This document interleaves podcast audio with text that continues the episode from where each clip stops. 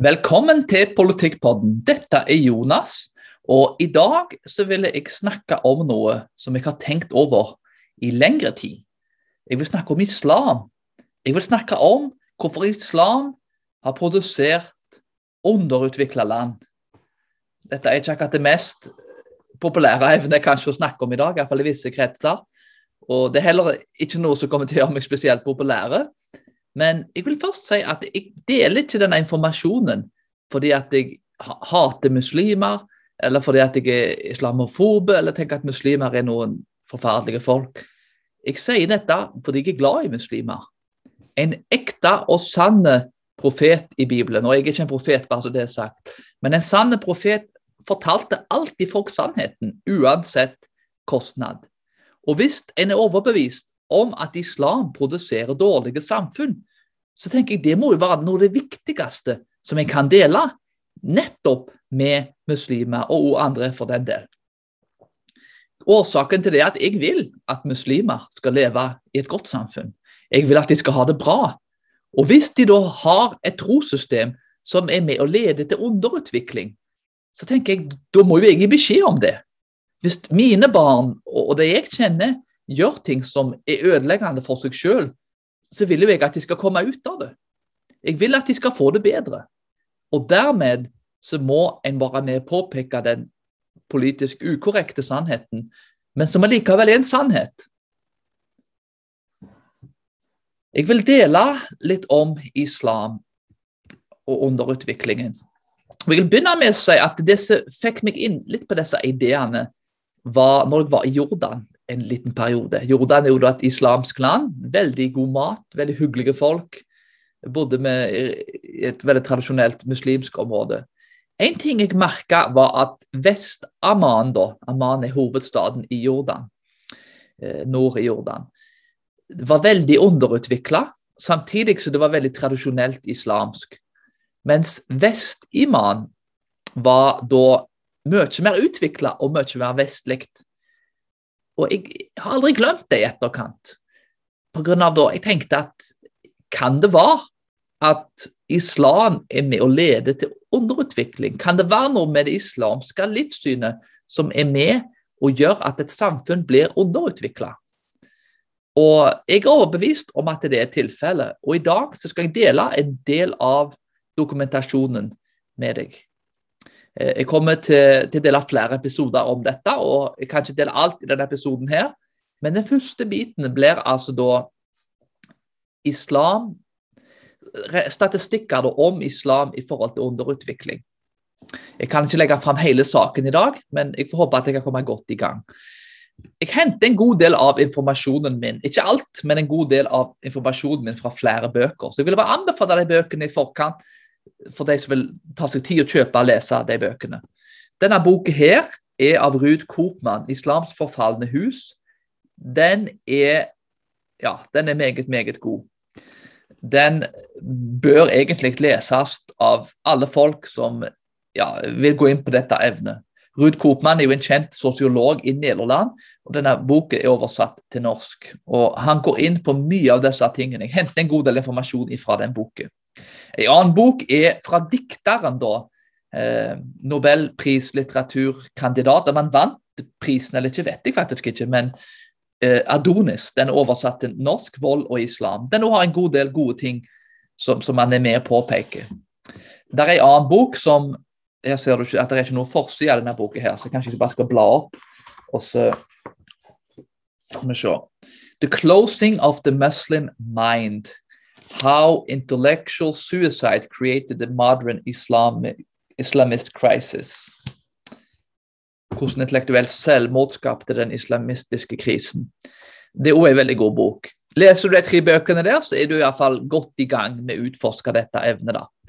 Jeg vil derimot bare dele en haug med statistikk. Jeg vet at alt denne statistikken ikke nødvendigvis beviser da, at islam er ansvarlige for alt dette. Men jeg, jeg, vil derimot si at det er veldig gode beviser på at det er tilfellet. Og bøkene er med å påpeke de tingene. Eh, jeg vil derimot si at historisk sett, siden Mohammed da, i ca. litt over 700 år etter Kristus, siden islam da har dominert de landene da, som ble islamske, så har islam altså vært gjennomsyra alt. Kristendommen og islam er to helt forskjellige religioner. Vi har skille mellom stat og kirke. Vi har òg noe som heter det sekulære, som egentlig er faktisk noe kristenlære. Det var Jesus som sa at de gi til keiseren det keiseren var, og det er Gud det Gud er. Så det er faktisk en, en konsekvent med kristendommen, ikke imot det. Men innenfor islam så er det islam, Koranen og livet til Muhammed som har dominert de islamske landene gjennom historien. Det har vært en total dominans. Men siden den islamske gullalderen i ja, 1100-1200-tallet, vel 1300-tallet, det var da islam begynte da å, å, å bli svekka. Så de siste 700-800 årene da, så har islam egentlig bare gått nedover nedover, nedover. Så har, du må nesten 1000 år tilbake før du finner en ordentlig gullalder til islam. Og islam har som sagt dominert det islamske landet. Å si at islam ikke har noen rolle i dette, eh, ja, det, det blir som så, ja, det, det, blir nesten som å si at, eh, at salt ikke er salt. Det, det, går ikke an å komme med det argumentet. For den islamske verden er gjennomsyra og totalt dominert av islam. Både religiøst, historisk, kulturelt og verdimessig. Så islam har åpenbart en viktig rolle å spille. Jeg vil derimot si i denne episoden at jeg sier ikke at islam alene er ansvarlige for underutviklingen i islamske land. Det sier jeg ikke. Det jeg sier at islam er hovedansvarlige. Jeg er fullstendig klar over at ressurser, geografi og andre ting også spiller en rolle. Og jeg er ikke en person som er med å fornekte de tingene. Det jeg derimot sier, at altså Det er jo ikke målbart teknisk sett kanskje hva som har minst og mest innflytelse, men jeg vil derimot si at islam har åpenbart en svært viktig rolle å spille. Hvor viktig den rollen er, det kan diskuteres. Men at islam har vært en hovedkilde til islam, altså islamske lands underutvikling, er det for, for meg ikke tvil om etter å ha studert disse tingene i mange år og lest haugevis av litteratur rundt dette evnet. Da hopper vi inn i ja, rett og slett ren statistikk her. Ifølge Pew Research 2016 så ligger muslimer rett over hinduer på mengde utdannelse som tas. 36% av muslimer har ingen formell skolering. Jøder er på førsteplass, og kristne er på andreplass i da, eh, formell skolering. I snitt har borgere i islamske land to år mindre utdannelse enn andre land. Og det er flere fattige land som skårer høyere enn islamske land. Så dette er ikke nødvendigvis at alle fattige land skårer lavt. Det er flere fattige land som skårer ganske høyt. Ruud Koopmann, sosiologen da, i boken 'Islams forfalne hus', sier i Ghana, Kenya og Nigeria har omkring 60% av muslimene ikke fått noe skoleutdannelse, sammenlignet med en fjerdedel eller mindre blant de kristne. Generelt gjelder følgende jo større andelen av muslimer er i et land eller en religion, desto lavere er muslimenes utdannelsesnivå. Den amerikanske statsviseren Melina Platas har i en detaljert undersøkelse i et østafrikanske land, Malawi, påvist at religiøse ledere i området, dominert av muslimer, sprer budskapet at religiøs identitet og verdslig utdannelse som, står i motsetning til hverandre. Dermed holder islamske foreldre i slike områder barna sine vekk fra skolen, først og fremst fordi de selv er dårlig utdannet. I regioner hvor kristne dominerer, ser muslimer derimot at utdannelse fører til sosial mobilitet, og de er derfor tilbøyelige for å overta sine kristne omgivelsers positive innstilling til utdannelse. Dette ble bekreftet av antall bøker som ble oversatt til arabisk de siste tusen årene. Og det er faktisk mindre enn det som blir oversatt til spansk på ett år. Altså Hellas, med en befolkning på mindre enn 11 millioner, oversetter fem ganger flere bøker fra andre land til gresk hvert år enn 22 arabiske land til sammen.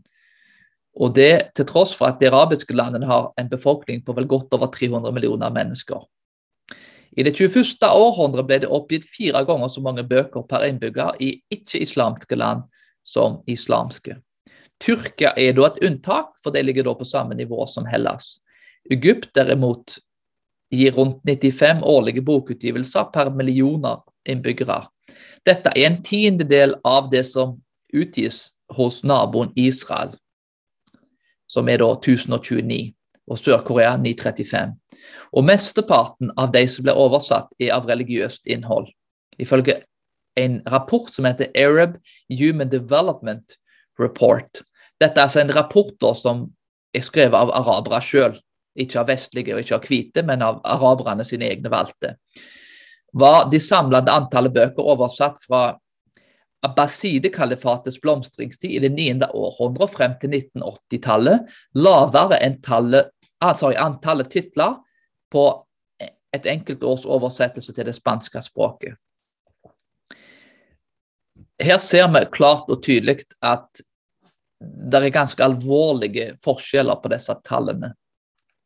Islamske land har da altså en lav prioritering av utgifter til forskning og produktutvikling, og, og dette med utdannelse. Dette påvirker jo da produktutviklingen og forskningen. Ruud Koopmann sier tall fra UNESCO viser at islamske land bare bruker en tredjedel av ikke-islamske land investerer en større andel av sin BNP i forskning. Jo større dette er, i gjennomsnitt 1,91% av BNP i de rikeste ikke-islamske landene, bruker de rikeste islamske landene mindre på forskning jo mer velstående de er, som er 0,29% i gjennomsnitt. Egypt er et av de islamske landene med 0,68% i BNP som investerer mest i forskning. Men det er ingenting sammenlignet med land som Sør-Korea, som er 4,29% og Israel 4,11 Eller la oss ta nabolandene India og Pakistan. India investerer nesten tre ganger så mye i forskning og utvikling, 0,82% av BNP-en sin, som Pakistan, som har 0,29% av BNP-en sin. Denne mangelen på investering i utdannelse og forskning har vidtrekkende konsekvenser for økonomiens innovasjonsevne. Tallet fra VIPO, altså den internasjonale og opphavrettighetsorganisasjonen, forteller at det i 2016 i gjennomsnitt ble registrert 65 patenter per millioner innbyggere i islamske land, men seks ganger så mange i ikke-islamske land, som er 395. Hvis man vil vite hvorfor Sør-Korea har større økonomiske suksess enn Egypt, behøver man ikke å lete lenge. I 2016 ble det anmeldt 23 patenter per millioner innbyggere i Egypt, men med over 4000 i Sør-Korea. Og her, Også her lønner det seg å kaste blikk på de landene i tidlige britiske India. Pakistan og Bangladesh lå med fire og to patenter per millioner innbyggere, langt etter India da, med 65 patenter. Så Forskjellen her er altså veldig, veldig, veldig, veldig store. Og disse tallene vil jeg si snakker i stor grad for seg selv. Videre så ser vi fra 1901 til år 2000 så har 654 nobelprisvinnere kommet fra 28 forskjellige religioner. Av disse har 65,4% identifisert kristendommen i ulike former som sin religiøse preferanse. Protestanter har vært mest involvert i vitenskapelige kategorier, mens katolikker har vunnet mest i litteratur- og fredskategorier. Artister og fritenkere har vunnet henholdsvis 10,5% og 35% innen litteratur. Jødene har vunnet 20% av eh, nobelprisene i bl.a. kjemi, medisin, fysikk, økonomi og fred og litteratur. Det er til tross for at de er 0,2 av verdens befolkning, som er et helt eh, ja, det tall, Tallmessig der så er de overlegne. I kontrast så har bare fem priser blitt vunnet av muslimer i samme perioden. Det tilsvarer 0,8% av prisene, til tross for at befolkningen er på 1,2 milliard og er 20% av verdens befolkning. Dette her finner du altså i Shalev A. Baruch 100 Years of Nobel Prizes, Atlantic Publisher 2003 akkurat den delen. Det, du finner ikke det i de andre bøkene. Så Nobelprisene viser jo da hvem som er med å produsere utvikling. Og igjen 60, hva var det 64 uh, 65,4% identifiserte kristendommen som en religiøse preferanse, mens det knapt er noen av de islamske landene som produserer nobelpriser. Forskjellen er nesten som dag og natt. De, de er ikke i nærheten av hverandre. Coopman påpeker på to indekser der, utbredt, der det er mest utbredt religiøs forfølgelse og mangel på frihet. Så det handler ikke bare om utdannelse her. Utdannelse er mye, mye bedre da, i, da i Israel eh, og i en del asiatiske land, og, og i spesielt da protestantiske land, så vel da som, som katolske land. Men når det kommer til mangel på frihet, så mangler det enormt mye frihet i den islamske verden. På verdensbasis var kun tre av ti land demokratier i 1972. Dette er så generelt sett. I dag er det knapt noen virkelige diktaturer igjen i Europa. Russland og Hviterussland var unntak da, og Sør-Amerika, Argentina, Chile og Brasil gikk jo fra å være militærstater til å være stabile demokratier, sammen med Sør-Korea, Taiwan og i tillegg Sør-Afrika, iallfall til en viss grad. Det er ingen overdrivelse å si at demokratiet, demokratiet har spredt seg til hele verden. I 1970-årene og fremover så var fire islamske land frie demokratier. 11% av islamske land var demokratier sammenlignet med ikke-islamske land, så 38% Det finnes 25 islamske diktaturer mot 22 ikke-islamske. 57 av ikke-islamske land er demokratiske, og kun 15% har ufrie og autoritære styresett. I den islamske verden er 53% av landene styrt autoritært, og bare 4% demokratiske. Det er også interessant at de arabiske landene som har best forutsetning for å forstå islam, som det åpenbart er Saudi-Arabia. Mohammed var araber, Koranen er skrevet på arabisk, og han var skrevet i ørkenlandskapet i Saudi-Arabia. Og Dermed da, så, så, blir det nesten som å si at Jerusalem kan ikke forstå jødedommen, og Vatikanet ikke, forstår ikke katolisismen. Saudi-Arabia bør forstå islam. De har Mekka. De har den helligste byen i islam. Hvis det er noe land som bør forstå islam, så er det Saudi-Arabia. Til tross for at mange ikke er villige til å legge det fram på den måten, innrømme det. Men løye nok så er Saudi-Arabia faktisk det minst demokratiske. Men islam påvirker altså ikke bare ufriheten og demokratiet. Islam har, produsert veldig ufrie land historisk, og den dag i dag så er frihet en sjelden ting i islamske land. Men islam påvirker også økonomien.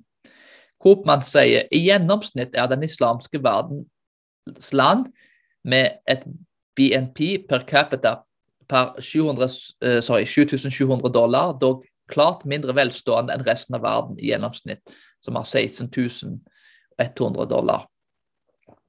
Dette er jo mer tall som viser den enorme forskjellen. Økonomisk utvikling er ofte målt i noe som kalles GDP, som handler om produkter og varer produsert.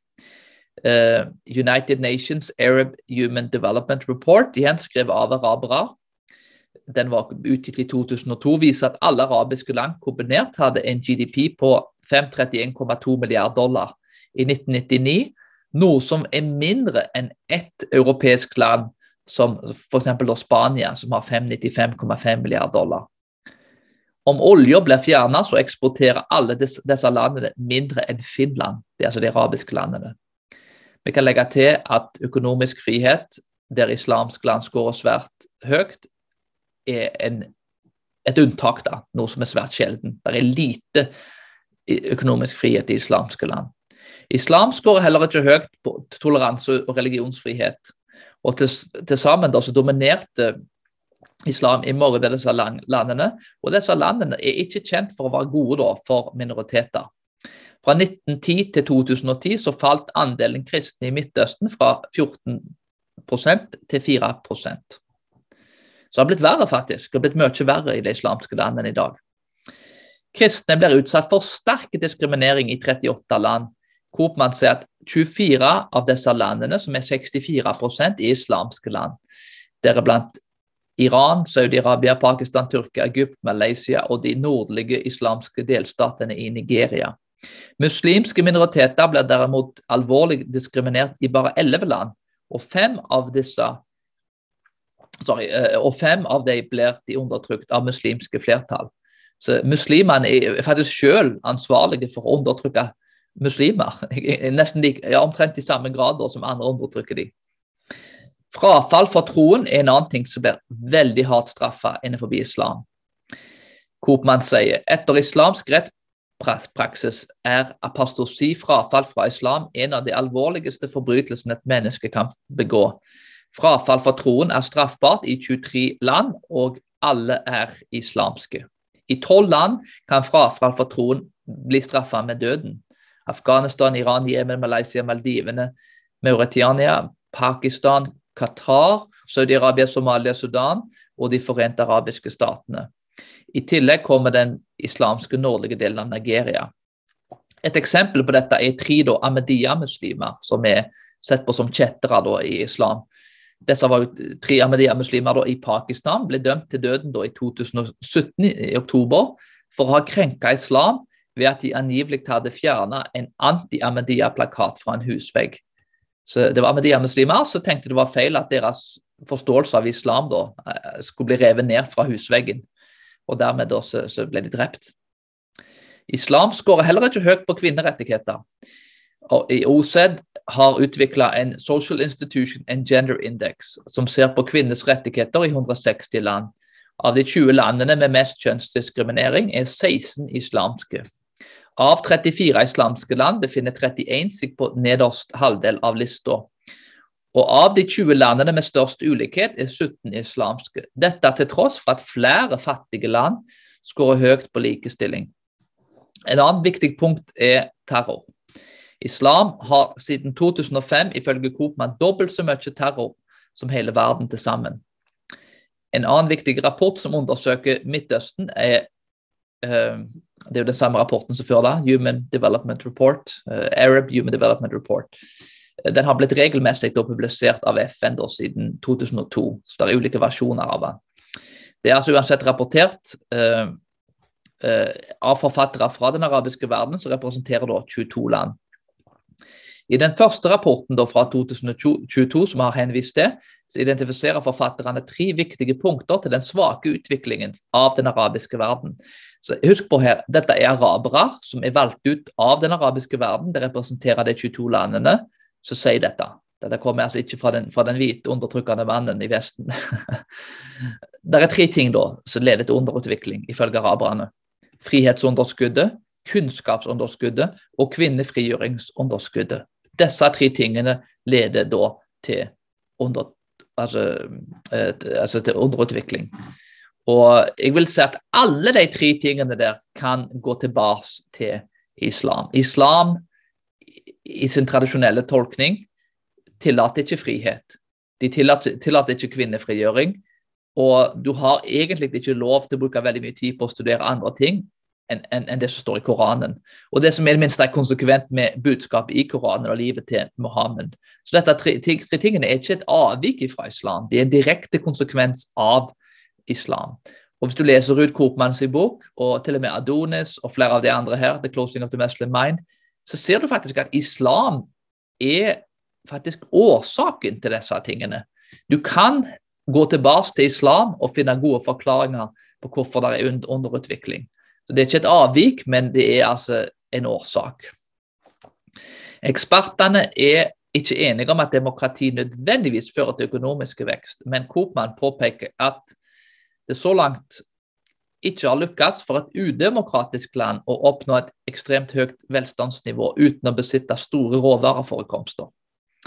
En artikkel viser at seks av de ti mest rasistiske landene er islamske. Islam eh, skiller mellom den troende og den ikke-troende spesielt. og Ofte også har de angrepet andre muslimer som tror feil ting. Ahmadiyya-muslimer og andre. Og, det kan faktisk, faktisk utlede seg i visse former for rasisme. Eh, I tillegg til dette er det også islamsk land svært korrupte. De skårer dårlig på korrupsjonsstatistikken. Og dette er jo da på Transparency. Hvis du går på www.transparency.org, så finner du disse årlige eh, korrupsjonsstatistikkene. Iran da er nummer 149. Saudi-Arabia skårer faktisk ikke så forferdelig dårlig, da. Nummer 52 som ikke er bra på noen slags måte, men, men, som kunne vært mye verre. Egypt er 117, og Somalia er 179. Så det, går en rød tråd, da. Veldig røde tråd. Og Den røde tråden viser at islamske land er veldig veldig korrupte, sammenlignet i alle fall da med historisk kristne land, og spesielt og historisk protestantiske land.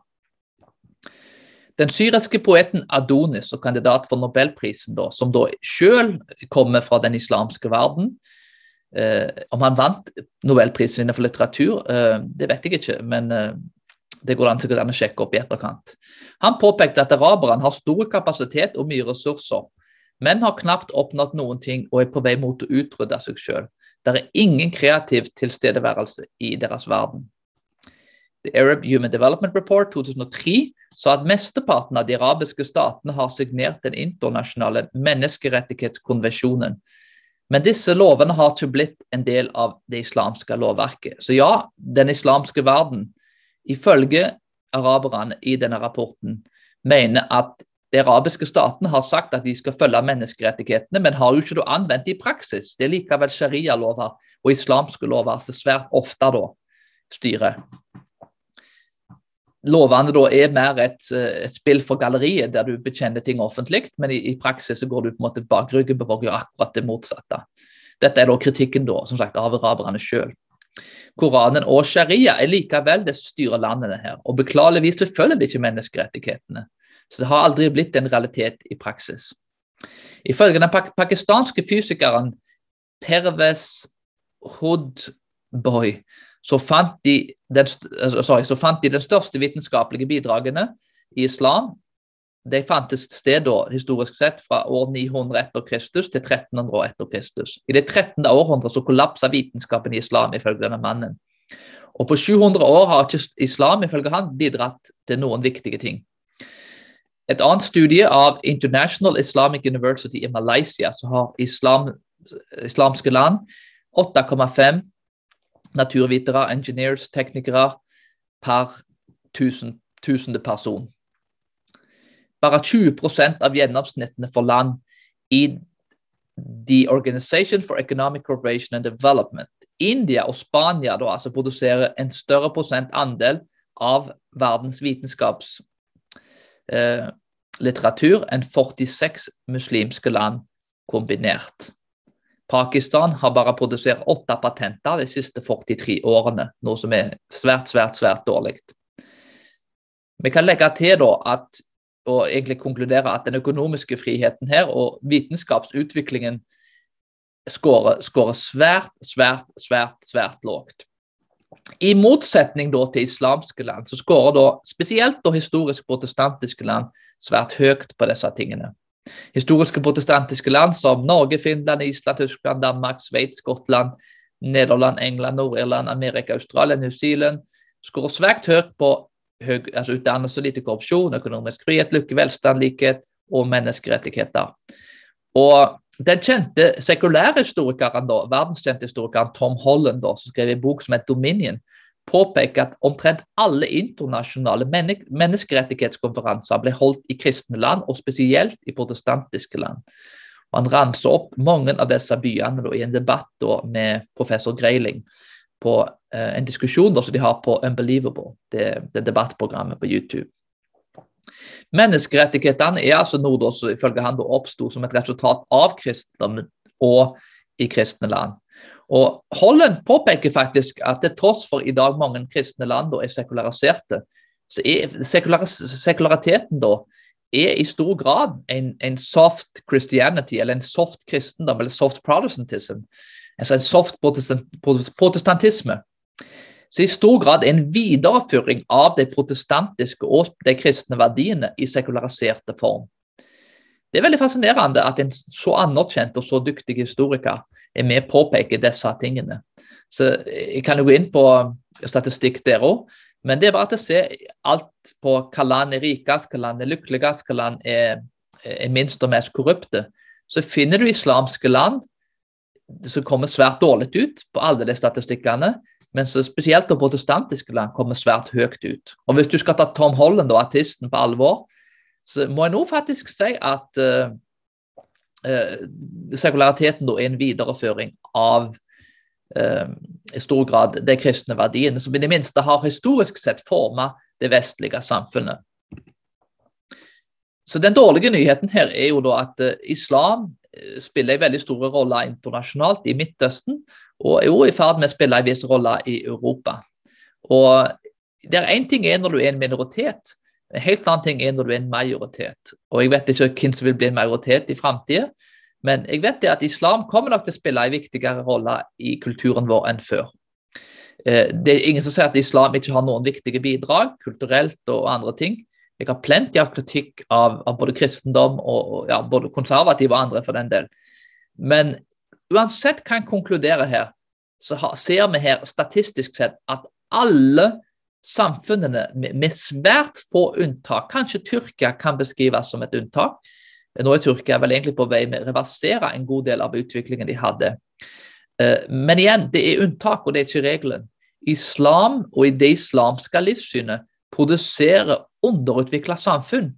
Det er et faktum. En slipper ikke unna denne informasjonen bare fordi det er ubehagelig. Og Dermed så må en òg konkludere at hvis islam vil få en dominans i Europa i framtida, og det vet ikke jeg om kommer til å skje, det kan skje, det kan ikke skje, jeg, jeg vet ikke framtida, og jeg skal ikke spekulere om det, men det vil ikke bli bra. Islam produserer dårlige samfunn, dårlige land og dårlige sivilisasjoner. At du må nesten 1000 år tilbake for å finne gullalderen til islam, er ikke et kompliment. Det er faktisk egentlig større grad en fornærmelse at folk bruker den gullalderen som et eksempel. Ja, for 1000 år siden, da gjorde vi det bra. I en primitiv middelalder, da var vi store. I dagens informasjonssamfunn er ikke det samme samfunnet som middelalderen. Og islam er med å skape underutvikling. Det er ikke gode nyheter. Men den gode nyheten er det at det er et alternativ. Vi kan gå tilbake og konservere de historisk kristne verdiene, og kanskje spesielt de protestantiske verdiene og opplysningsverdiene. En konservative bør konservere begge deler, uavhengig av hva du tror.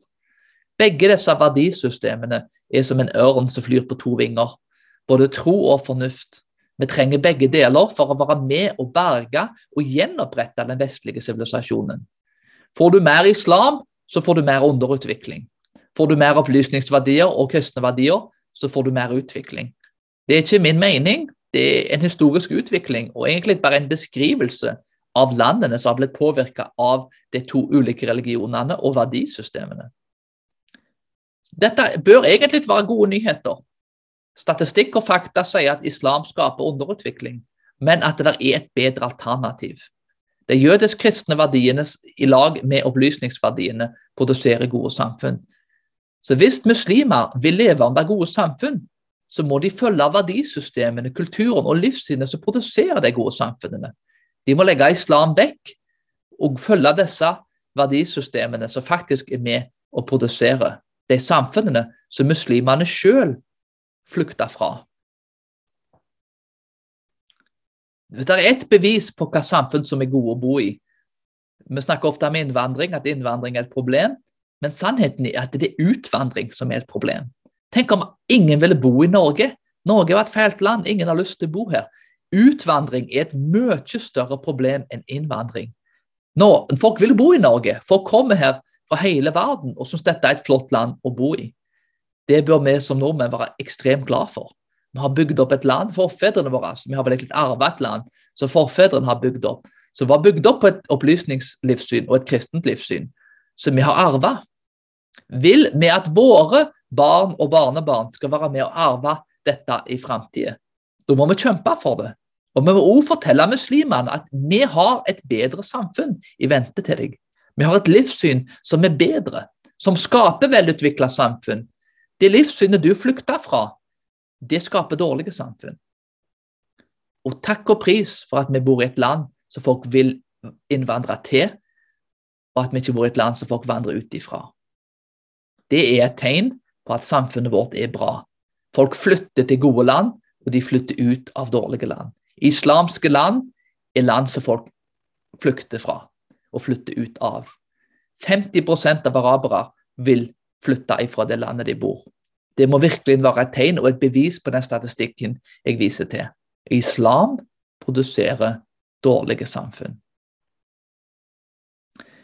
Det var alt for i dag. Jeg kommer til å lage en ny episode om dette evnet, og forhåpentligvis så var dette til oppbyggelse. Og jeg kommer til å lage en del to, og kanskje etter hvert en del tre av denne episoden. Men uh, i den andre episoden da, så vil jeg gå inn, litt mer inn på uh, alternative forklaringer da, ja, i forhold til kolonisering og andre ting. Da, hvorfor islamske land da, uh, ja, Unnskyldninger da, hvorfor islamske land ikke har utvikla seg. Jeg vil motbevise og tilbakevise de teoriene om disse tingene. da. Det vil bli den neste episoden. Men dette var alt for i dag. Vi snakkes snart igjen. Ha det bra.